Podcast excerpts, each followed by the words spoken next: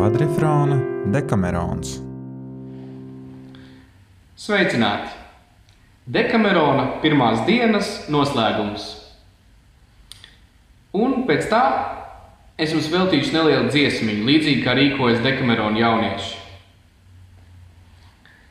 Saule jau slīdēja uz vakariem, un tveica bija stipri vien mazinājusies, kad jaunās dāmas un trīs jaunie cilvēki bija pabeiguši savus stāstus.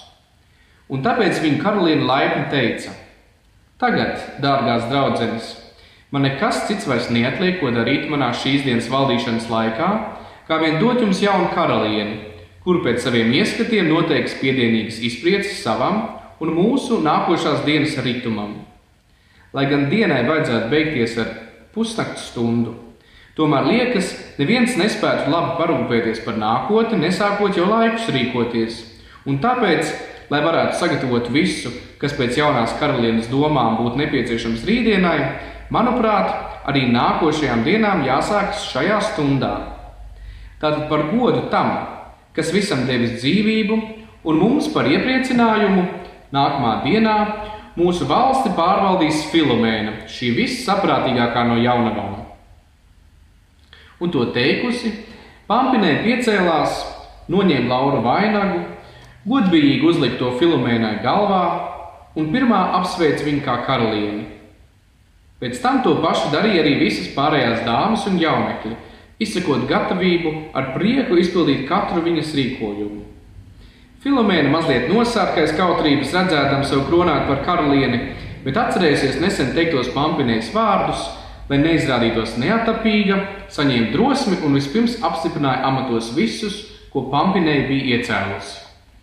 Tad pavēlēja sagatavot visu nepieciešamo otram rītam un nākošajām vakariņām, paliekot vēl tajā pašā vietā, kur viņi jau atradās, un pēc tam iesāk runāt tā: Manas dārgās draudzenes, lai gan Pampinēja, protams, vairāk aiz savas laipnības nekā man tikuma dēļ, iecēlus mani par jūsu karalieni, es tālāk nedomāju, izkārtojot mūsu dzīvesveidu, rīkoties vienīgi pēc sava prāta, bet ievērot arī jūsu domas.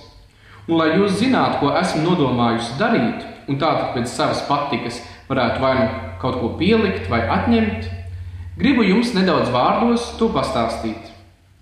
Ja es šodien labi esmu novērojis Pampinējas rīcību, man šķiet tā ir jāatzīst par vienlīdz slavējamu un patīkamu. Tālāk es te nedomāju neko mainīt, kamēr mums šī dienas kārtība, vai nu pārāk daudz atkārtojoties, vai cita iemesla dēļ, būs kļuvusi garlaicīga. Tātad turpināsim dzīvot pēc iesāktās kārtības. Piecēlušies no šejienes, Kādu brīdi jautri pastaigāsimies, un kad saule tuvosies rietam, paēdīsim vakariņas vēsumā. Un pēc tam, nodziedājuši dažas dziesmiņas un mazliet papriecājušies, mēs darītu labi, ja ietu pie miera. No rīta piecēlušies, kamēr vēl vēss, dosimies kaut kur jautrās pastaigās, kā un kuram labāk patiks, un noteiktā stundā atgriezīsimies pusdienot, kā to darījām šodien. Pēc tam padejosim un piecēlušies no pusdienas atpūtas, tāpat kā šodien atsāksim šeit stāstīšanu, kurā man šķiet visaugstākajā mērā apvienots patīkamais ar noderīgo. Tiesa, es gribu sākt ar to, ko Pampinēja neiespēja, jo pārāk vēlu tika ievēlēta par karalieni, proti, ierobežot mūsu stāstu izvēli un iepriekš jums par to paziņot, lai ikvienam būtu laiks izdomāt kādu skaistu noveli par doto tematu, kas, ja vien jums lapa tiktu, būtu šāds. Tā kā jau no pasaules sākuma cilvēkus vadījušas dažādas likteņa nejaušības, un tā tas būs līdz pasaules galam, tad lai viens no jums pastāsta savu novelu par tādu cilvēku, kas visas cerības uz glābiņu zaudējis, galu galā tomēr laimīgi izkļuvis no dažādām likstām. Jaunās dāmas un tāpat kungi visi uzslavēja šo kārtību un teicās tai sekot. Kad visi citi jau klusēja, vienīgi Dionējs iebilda: Mana kundze, arī es pievienojos pārējo apgalvojumam, ka jūsu noteiktā kārtība ir augstākā mērā patīkama un slavējama. Tomēr izlūdzos no sevišķas jūsu labvēlības sev kādu balvu. Kas, lai būtu mana priekšrocība tik ilgi, kamēr vien mūsu sabiedrība turēsies kopā, un tā ir šāda. Lai es nebūtu pakļauts likumam stāstīt novelu par doto tematu, ja to nevēlēšos. bet drīkstētu, drīkstētu stāstīt par to, kas man pašam vairāk tīk. Un lai neviens neiedomātos, ka es izlūdzos šo labvēlību tālāk, ka man nebūtu pie rokas noveļu, esmu ar mieru būt vienmēr pēdējais no stāstītājiem. Zinādama, ka Dionējs Alešs prasīs visus izklaidēt un iepriecināt, karaliene ļoti labi saprata, ka viņš prasīs šo priekšrocību tikai tāpēc, lai ar kādu jocīgu noveli uzjautinātu sabiedrību, ja tā būtu nogurusi no stāstīšanas, un labprāt dāvāja viņam šo labvēlību visiem pārējiem piekrītot. Tad piecēlušies viņi lēnām so, lēniem soļiem, devās uz kādu strautu ar viskaidrāko ūdeni, kas tecēja no neliela uzkalniņa daudz koku apēnotā ielā starp mežonīgiem akmeņiem un zaļām zālēm. Šeit, noāvušas kājas un uzrotījušas piedurknes, dāmas, bradājot pa ūdeni, sāka savā starpā dažādi jokoties. Tuvojoties vakariņu stundai, visi atgriezās pilī un priecā, priecīgi pavakariņoja. Pēc vakariņām, kad mūzikas instrumenti bija atnesti, karaliene pavēlēja uzsākt deju, ko vajadzēja vadīt Lauretai, bet Emīlijai dziedāt dziesmu, Dionējam ar lau, lautu pavadot. Pēc šās pavēles Laureta tūlīt sāka deju un vadīja to, kamēr Emīlija piemīlīgi nodziedāja šādu kanconu. Mans skaistums sniedzis man tik dziļu tīksmi, ka citas mīlas mūžam vairs netiek, netiekšos un nemeklēšu līksmi. Ikreiz, kad spoguļu stiklā skatu sevi, mans daļais attēls mierinājums garam. Nav nejaušs nejauš atgadījums to man devis, un nejaušībai nav to atņemt vara. Tas vienīgais man dvēseli brīvu dara, un cits nekas vairs mūžam man nespēs sirdī raisīt jaunu līksmi. Šis dailas gums droši neizgaistot ar vienu iepriecina manu prātu. Ik katru brīdi skatu stīksmi saistot šās burvības tik ļoti valdzinātais jūtos, ka to vārdos nezinātu teikt mirstīgais nemūžam kas nededzis ar manu dienu līksmi. Ar katru stundu iedegos jau vairāk, jo ciešām, ciešāk skats mans pašas dailē veras.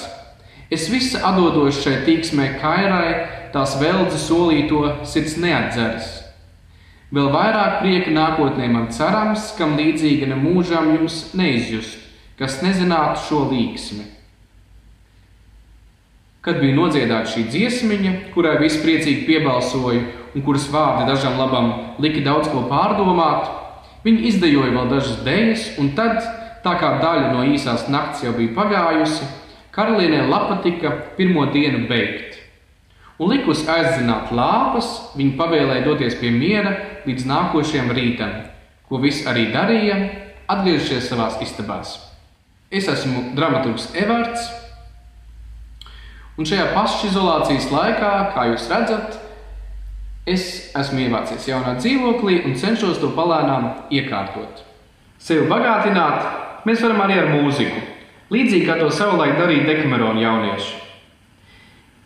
Emīlijas dziesmiņai man gan neizdevās atrast piemērotu meldiņu.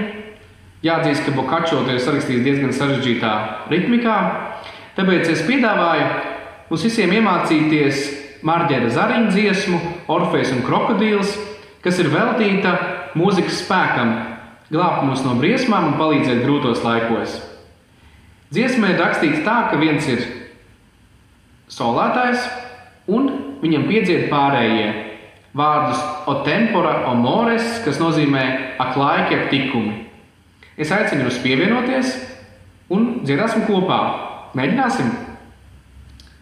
Aiziet!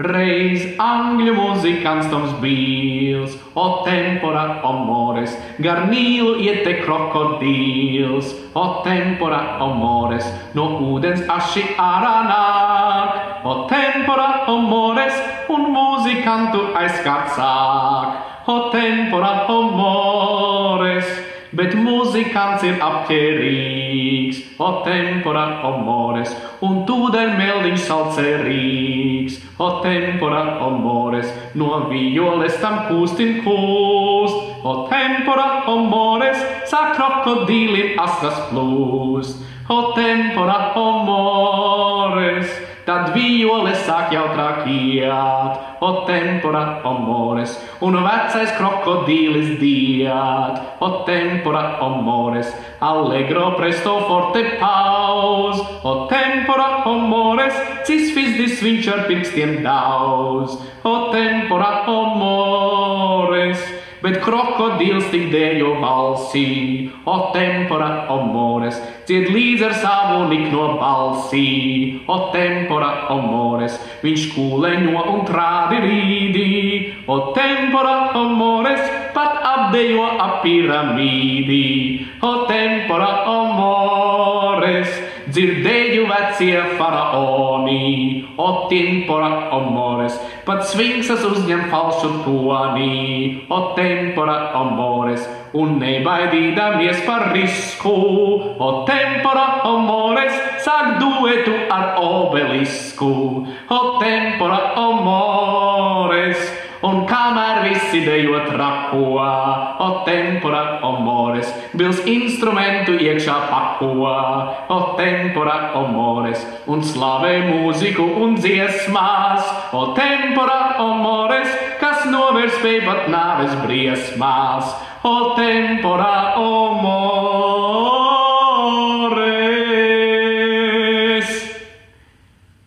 Lai jums visiem labi iet, turamies! laimīgi